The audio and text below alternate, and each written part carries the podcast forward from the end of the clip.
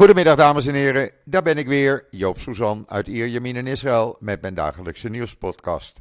Even het weer maar om te beginnen. Ja, 32 graden, blauwe lucht, felle zon, klein windje en daar moeten we het mee doen. En dat blijft morgen ook zo.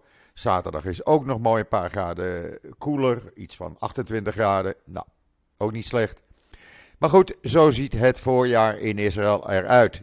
Dus kom als je wil genieten. En dan, uh, ja, u heeft het inmiddels wel uh, door natuurlijk waar ik het over wil hebben. En dat is het bezoek van de minister van Buitenlandse Zaken, meneer Hoekstra, gisteren een paar uur aan Israël.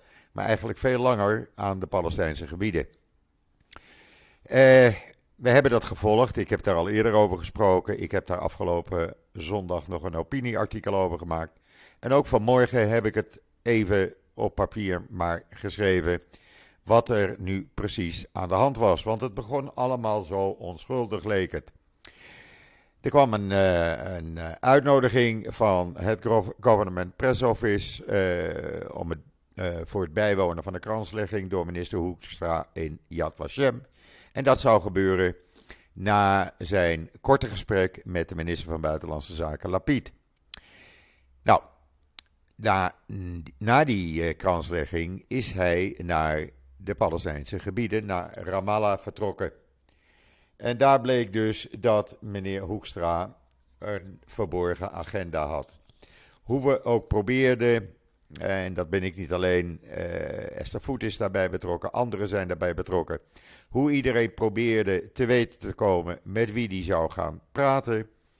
Uh, buiten de minister van Buitenlandse Zaken van de Palestijnen en de premier, de Palestijnse premier, iets wat de Telegraaf niet vermeldt, uh, was er ook een, uh, ja, een besloten bijeenkomst. Nou, op de vraag uh, met wie dan? Die vraag werd gesteld aan de contactpersoon in de buiten, van Buitenlandse Zaken in de Palestijnse gebieden, meneer Jasper van Maastricht. En meneer Jasper, Jasper van Maastricht zei: ik ben niet in de positie hierover iets mee te delen. Gaat u maar contact opnemen met de woordvoerder van de minister. Doe dat per mail. Dat werd gedaan en daar kwam geen antwoord op. Uh, om zes uur kwam er eindelijk een berichtje richting NIW. Uh, waarin uh, de woordvoerder liet weten dat er inderdaad een gesprek was geweest. Dat ze het erg druk had en geen tijd om meteen te reageren. Ze had ook de mail niet gelezen. Ze had ook de appjes niet gezien. Maar er was inderdaad een gesprek geweest met uh, onder andere Al-Haq, de, uh, door, de Europees, door Israël op de terreurlijst staande uh, Palestijnse organisatie, die in Nederland nog vrijelijk mag doen en laten wat ze willen. Alhoewel de Europese Unie de subsidie van Al-Haq heeft stopgezet. Ook met Bethlehem werd gesproken en met Breaking the Silence. Is dat nou toeval? Nou, ik heb altijd geleerd toeval bestaat niet. Want er is natuurlijk wel een online conferentie maandagavond georganiseerd door diezelfde Al-Haq om te proberen middels die conferentie Israël als oorlogsmisdadiger voor het internationale gerechtshof in Den Haag te slepen. Daar wordt onder andere gesproken door meneer Roger Waiters, uh, de oprichter van Pink Floyd. En uh, Israël hater nummer 1, om het zo maar eens te noemen. En de directeur van Al-Haq in Nederland, Shawan Jabareen. Want ja, Al-Haq mag doen en laten wat ze willen. Opvallend is dat uh, het NIW, naar aanleiding van mijn opinieartikel van zondag, had gevraagd aan het ministerie van Buitenlandse Zaken: hoe bestaat het dat jullie die conferentie tegen Israël gaan financieren? Daar werd niet op geantwoord. Later kwam daar paniekerig een antwoord op van nee, daar doen we helemaal niet aan mee. Die zin had er niet onder mogen staan en we hebben gevraagd om dat te verwijderen. Uit andere bronnen inmiddels is mij bekend geworden dat het ministerie, zoals andere ministeries ook in Nederland, een potje heeft voor dit en een potje heeft voor dat. Dus het zal wel uit een van die potjes komen. Nou heb ik geen probleem met het feit dat een minister van Buitenlandse Zaken met een terreurorganisatie spreekt. Of dat nou Hamas of uh, Al-Haq of Hezbollah is. Maar doe dat niet in het geniep, doe dat niet in het geheim voor je gastheren. Want tenslotte was hij gast in Israël. Hij is ontvangen door minister Lapid. Dat is niet alleen heel erg dom, maar het beschadigt ook nog eens de diplomatieke verhoudingen. Nou zie ik niet zozeer Lapid meteen uh, uh, hierop reageren, want die is nogal van, ja, laten we maar sussen, laten we maar vriendjes blijven. Maar ik vind de politieke verhoudingen in Nederland, daar schort het een en ander aan. Dat werd ook al vanmorgen uh, min of meer gemeld door de publieke omroep uh, Nieuws, Channel 11 hier. Die begon met de Nederlandse minister Hoekstra bezocht Israël, had een ontmoeting met Lapid, ging daarna naar Ramallah, sprak de Palestijnse premier, de Palestijnse minister van Buitenlandse Zaken, maar ook Betsalem, Breaking the Silence en Al-Haq, die, zegt ook kan nieuws, Israël heeft aangemerkt als terreurorganisatie. Vergeet niet dat hier in de afgelopen twee maanden nee, 20 mensen door terroristen, door terreurorganisaties zijn vermoord. Inmiddels is mij te oren gekomen dat verschillende Israëlische nieuwsorganisaties en dagbladen met deze zaak bezig zijn. Ik begrijp uit de informatie die ik via mijn contacten heb gehad, dat er eigenlijk niemand in Israël op de hoogte was met wie Hoekstra uh, achter gesloten deuren in Ramallah zou gaan praten. Uh, niet het ministerie van Buitenlandse Zaken, niet anderen, niemand. Dan kan je je afvragen, wat is de bedoeling van Hoekstra geweest? Eén uh, ding staat voor mij als een paal boven water. De Nederlandse regering heeft helemaal geen enkele moeite om stiekem en in het geniep en in het geheim met terroristen aan tafel te gaan zitten.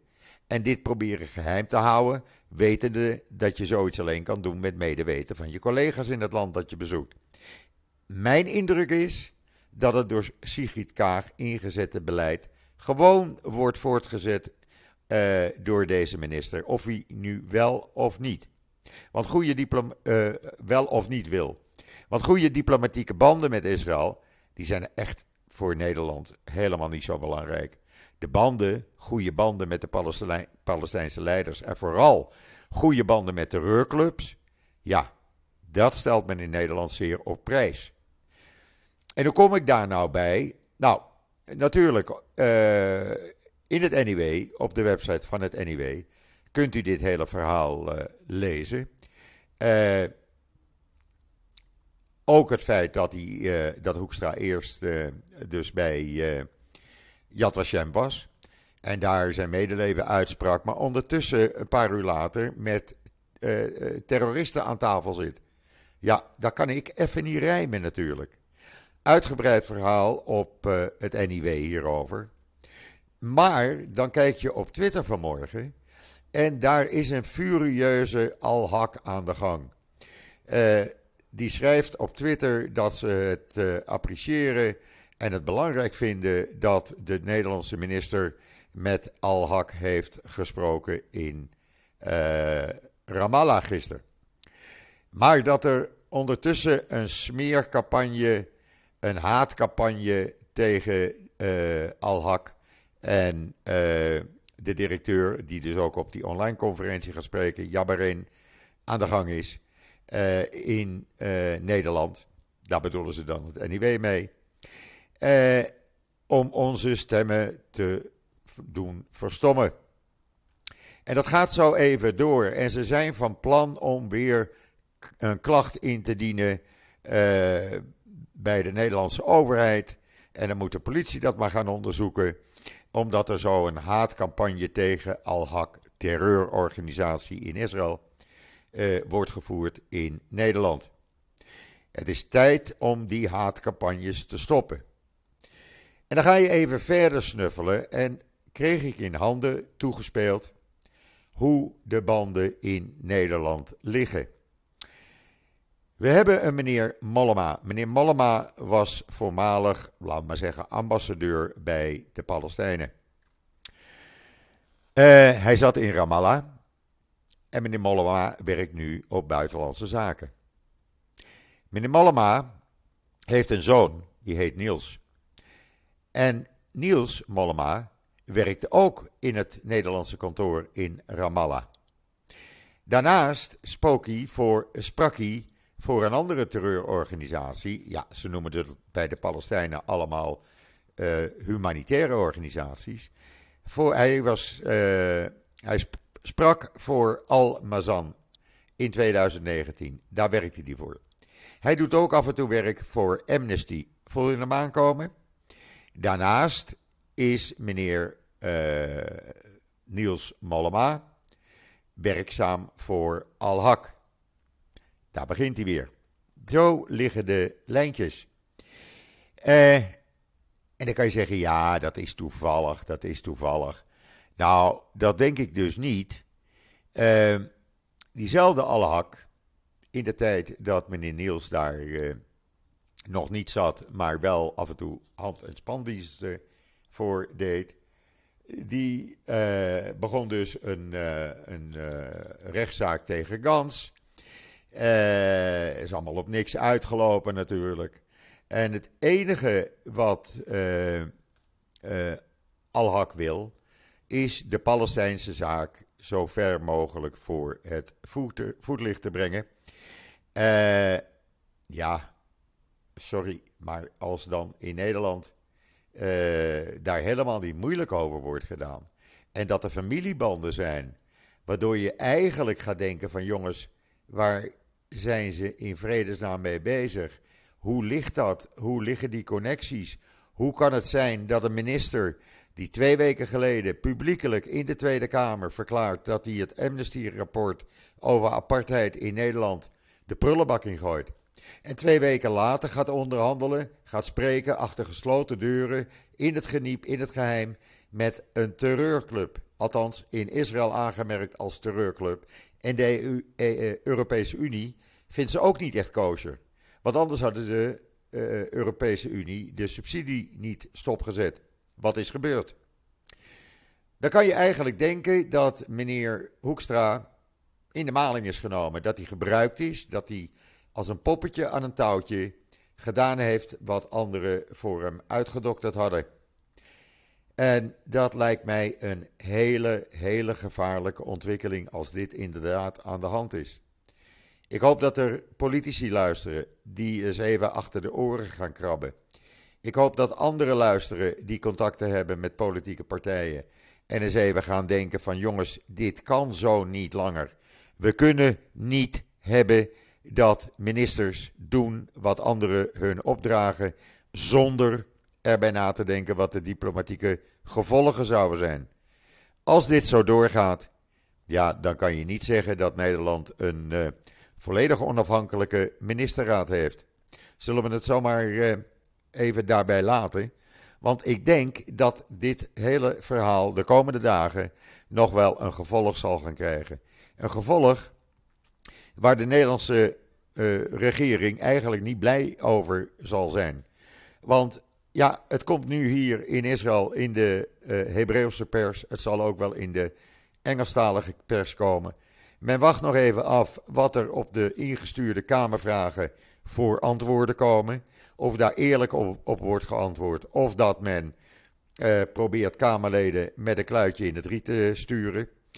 Ik weet dat uh, Raymond Roon van de PVV eh, zich niet zomaar laat wegsturen. Ik weet dat uh, meneer Elian van de VVD zich zomaar, zomaar niet laat wegsturen. En zo zijn er nog meer. Dus ik hoop dat de waarheid aan het licht komt. We houden allemaal de zaak in de gaten natuurlijk. Want ja, nogmaals, dit kan gewoon niet. Dan hebben we ondertussen ook een nieuw kosher recept online staan. En het zijn deze keer uh, Frankfurters met rijst en aubergine. En dan de COVID. De COVID in Israël. Nou, het viel mee, moet ik zeggen. Uh, er waren uh, eh, 2151 nieuwe besmettingen op uh, woensdag. Het blijft een beetje zo rond die 2000 per dag schommelen. Hier wordt het nog steeds dagelijks bekendgemaakt. Hè? Men zegt niet van, zoals in Nederland, één keer per week of één keer in de twee weken. Nee, elke dag. Er werden gisteren bijvoorbeeld mensen getest. 2151, oftewel 4,3% was besmet met het virus. Er zijn, om precies te zijn, 16.008 actieve viruspatiënten, waarvan er 102 ernstig ziek in het ziekenhuis liggen, 58 in kritieke toestand van hen en 50 van hen aangesloten aan beademing. Het aantal mensen dat aan COVID is overleden is opgelopen naar 10.821. Nogmaals, ik las van de week in de krant in Nederland dat daar in één week 15.000 mensen worden getest. Nou, ik vind dat een beetje raar. Want COVID is er nog steeds, mensen. Het is niet weg. Je moet de vinger aan de pols houden. En nu de Nederlandse Eerste Kamer heeft gezet, gezegd van wij weigeren mee te werken aan verlenging van die speciale COVID-noodwet, heb je toch een probleem. Als hier uh, zeg maar COVID opeens zou gaan toenemen, nou dan kan binnen een paar minuten alles weer in werking worden gesteld. Mondkapjes, uh, lockdowns, beperkingen, je noemt het maar op. Kan zo weer uh, in werking worden gesteld. In Nederland moet daar weer eerst door de eerst, Tweede en Eerste Kamer over gediscussieerd worden. Dan ben je zomaar een maand of langer verder. Dus ik vind het eigenlijk niet zo handig zoals men dat in Nederland doet. Maar goed, ik woon niet in Nederland. Ik heb te maken met wat er in Israël gebeurt. En hier houden ze de vinger aan de pols. Wie ook de vinger aan de pols heeft, dat is de IDF en alle veiligheidsdiensten. Afgelopen nacht, zoals ook de voorgaande nachten, in Judea en Samaria weer 13 terreurverdachten opgepakt, wapens in beslag genomen en ja, ze zijn ook weer beschoten, de soldaten. Uh, ze zijn ook weer uh, met stenen en vuurwerk uh, in hun richting gegooid. het werd gewelddadig. Explosieven werden er gegooid in het dorp Einbet Alma. Er zijn gelukkig geen Israëlische soldaten gewond geraakt. En dan een leuk artikel op israelnieuws.nl over Ben Yehuda Street in Jeruzalem.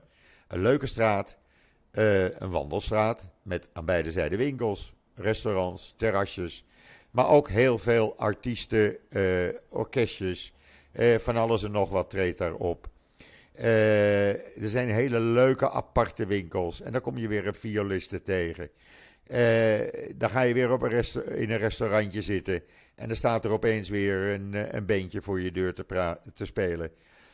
lees het artikel, bekijk de foto's. En dan zal je zien dat het hartstikke leuk is als je in Israël bent, even een paar uur door die straten lopen. En dan waar de Nederlandse regering nog heel veel kan, uh, van kan leren, is bijvoorbeeld de Engelse regering. Want zeg, wat zegt de Britse minister van Binnenlandse Zaken? Alles wat we hebben gezien rond de BDS-beweging is antisemitisch en racistisch. Nou, meer hoeft ze niet uit te leggen. Ze zei het gisteren op een bijeenkomst in Londen van de conservatieve vrienden van Israël. Ze zegt: uh, Wat de BDS doet, is de Joodse gemeenschap collectief verantwoordelijk houden voor alles wat er in het Midden-Oosten gebeurt. Nou, dan ben je racistisch bezig. Daarnaast, hun antisemitische karikaturen, het kan gewoon niet. En dan is uh, Benny Gans, de minister van uh, Defensie uh, in Amerika. En hij heeft al gesproken met zijn collega van Defensie. Heeft ook gesproken met de Amerikaanse Nationale Security adviseur Jake Sullivan in het Witte Huis. En dat gaat allemaal over ja, wat te doen met Iran. Gaan we aanvallen? Het zal nooit naar buiten komen, want die weten tenminste iets binnen kamers te houden. Er is ook gesproken over Oekraïne, maar dat aan de zijlijn. In ieder geval, er staat wat te borrelen. Waar ook wat te borrelen staat, dat is bij de Likud-partij, waar ja, een beetje de bonje is losgebarsten. Hadden ze gisteren de nieuwe campagneleus voor eventuele verkiezingen naar buiten gebracht, waar heel veel kritiek uitkwam, eh, opkwam. Want die leus luidt: Arabieren nemen het land over. Nou, dat is helemaal niet waar. Nu hebben ze een heel groot probleem, want ze hebben de, uh, de lijn sinds de regering Bennett er zit, eh, omdat ze niet kunnen verkroppen dat ze geen eh, regeringspartij meer zijn, heeft Netanyahu besloten, sinds deze regering er zit, nu een klein jaar, geen enkele wet goed te keuren waar deze regering mee komt. Maar nou komt het. Nou komt deze regering met een wetsvoorstel waarbij 60% van de beurs voor een uh, afgezwaaide uh, soldaat uh, voor rekening komt van de overheid en 40% van die kosten van de beurs voor rekening van de IDF. Hele goede wet, want je laat je soldaten niet in de steek. En de Likud kan hier dus niet voorstemmen. Nu is een beetje de bonje uitgebroken. Want meer en meer Likud-Knessetleden die zeggen: nee, wacht even. Als wij hier tegen gaan stemmen, laten wij onze uh, soldaten in de steek. Dat gaat ons heel wat stemmen kosten. Nee, wij gaan voorstemmen. Nee, zegt jou. Het is een wet van de regering Bennett. We stemmen niet voor. Ja, zeggen negen Likud-leden nu. We gaan wel voorstemmen. Hoe dat gaat aflopen, we weten het maandag. Maar in ieder geval slecht voor uh, Netanyahu en de Likud. En dan, na ruim twee jaar, zijn de Joodse pelgrims weer terug op Lak Beomer in Tunesië. Ze zijn gegaan naar de El Griba uh, synagoge. En uh, dat is de oudste synagoge in Afrika. En ja, dat waren ze zo gewend jaarlijks te doen op Lak Beomer. En honderden zijn daar gelukkig weer naartoe gegaan. Mooi dat het weer kan. Wat ook mooi was, gisteravond heb ik met een half oog zitten kijken naar televisie. Maar ja, in de tussentijd al die telefoongesprekken over meneer Hoekstra. Wat ook mooi was om te zien gisteravond, Lakba Omer in, op de berg Meron werd weer gevierd. 8000 politieagenten. Uh, er werden nu shifts ingesteld, zodat er geen 150.000 mensen tegelijk waren. 16, 18.000 mensen konden tegelijk. Die konden een bepaald aantal uren blijven en dan moesten ze weer weg en kwamen er nieuwe. Alles goed afgelopen. Verleden jaar was dat nog zo'n ramp. 45 doden in het gedrang. Dus ik ben blij dat het goed is afgelopen. In uh, Los Angeles hebben na 78 jaar twee Holocaust-overlevenden elkaar ontmoet. Uh, ze zaten allebei gevangen in een uh, concentratiekamp. En uh, van oorsprong zijn het Hongaren. En ja, ze hebben de oorlog overleefd, wonen in Amerika en hebben elkaar nu uiteindelijk door allerlei, via allerlei omwegen na 78 jaar weer ontmoet. Hoe mooi is dat? Lees het in de Engelstalige Ynet. En dan, ik kondig het maar even aan, het staat in het NIW. Er was een protest van iemand tegen het leggen van struikelstenen in de Nieuwe Amstelstraat. Nou ken ik die straat goed, een klein straatje tussen de Amstelbrug en het Jonas Daniel Meijerplein. Eh, ik ben daar om de hoek geboren op het Meijerplein en mijn grootouders hebben in de Nieuwe Amstelstraat gewoond, dus ik ken die straat. En die heeft een Joodse geschiedenis. En men wilde struikelstenen plaatsen. Maar er was een buurtbewoner die zegt: nee, dat gaat niet gebeuren, want dan krijgen we allemaal toeristen hier. Nou, uiteindelijk heeft men nu uh, dat bezwaar uh, weg kunnen halen. Uh, de buurtbewoner belooft mee te werken. En op 2 juni, noteer het even, 2 juni om 11 uur worden de struikelstenen in de nieuwe Amstelstraat gelegd. Ik zou zeggen, heb je tijd, heb je de mogelijkheid, ga er naartoe. Het is zo belangrijk, mensen. En de Nieuwe Amstelstraat, het was een Joodse straat. Uh, een straat waar heel veel Joden wonen. Waar heel veel Joden nooit meer terugkwamen naar hun huis. Dat brengt mij tot het einde van deze laatste podcast van deze week. Het weekend begint morgen in Israël. Ik zei het al, we hebben lekker weer. Uh, dus we gaan ervan genieten. Zaterdagmorgen vroeg lekker met de hond naar het strand. Het komt helemaal goed. Ik wens iedereen alvast een heel goed weekend toe. Shabbat shalom vanuit Israël. Ik ben de zondag weer en zeg zoals altijd: tot ziens. Tot zondag.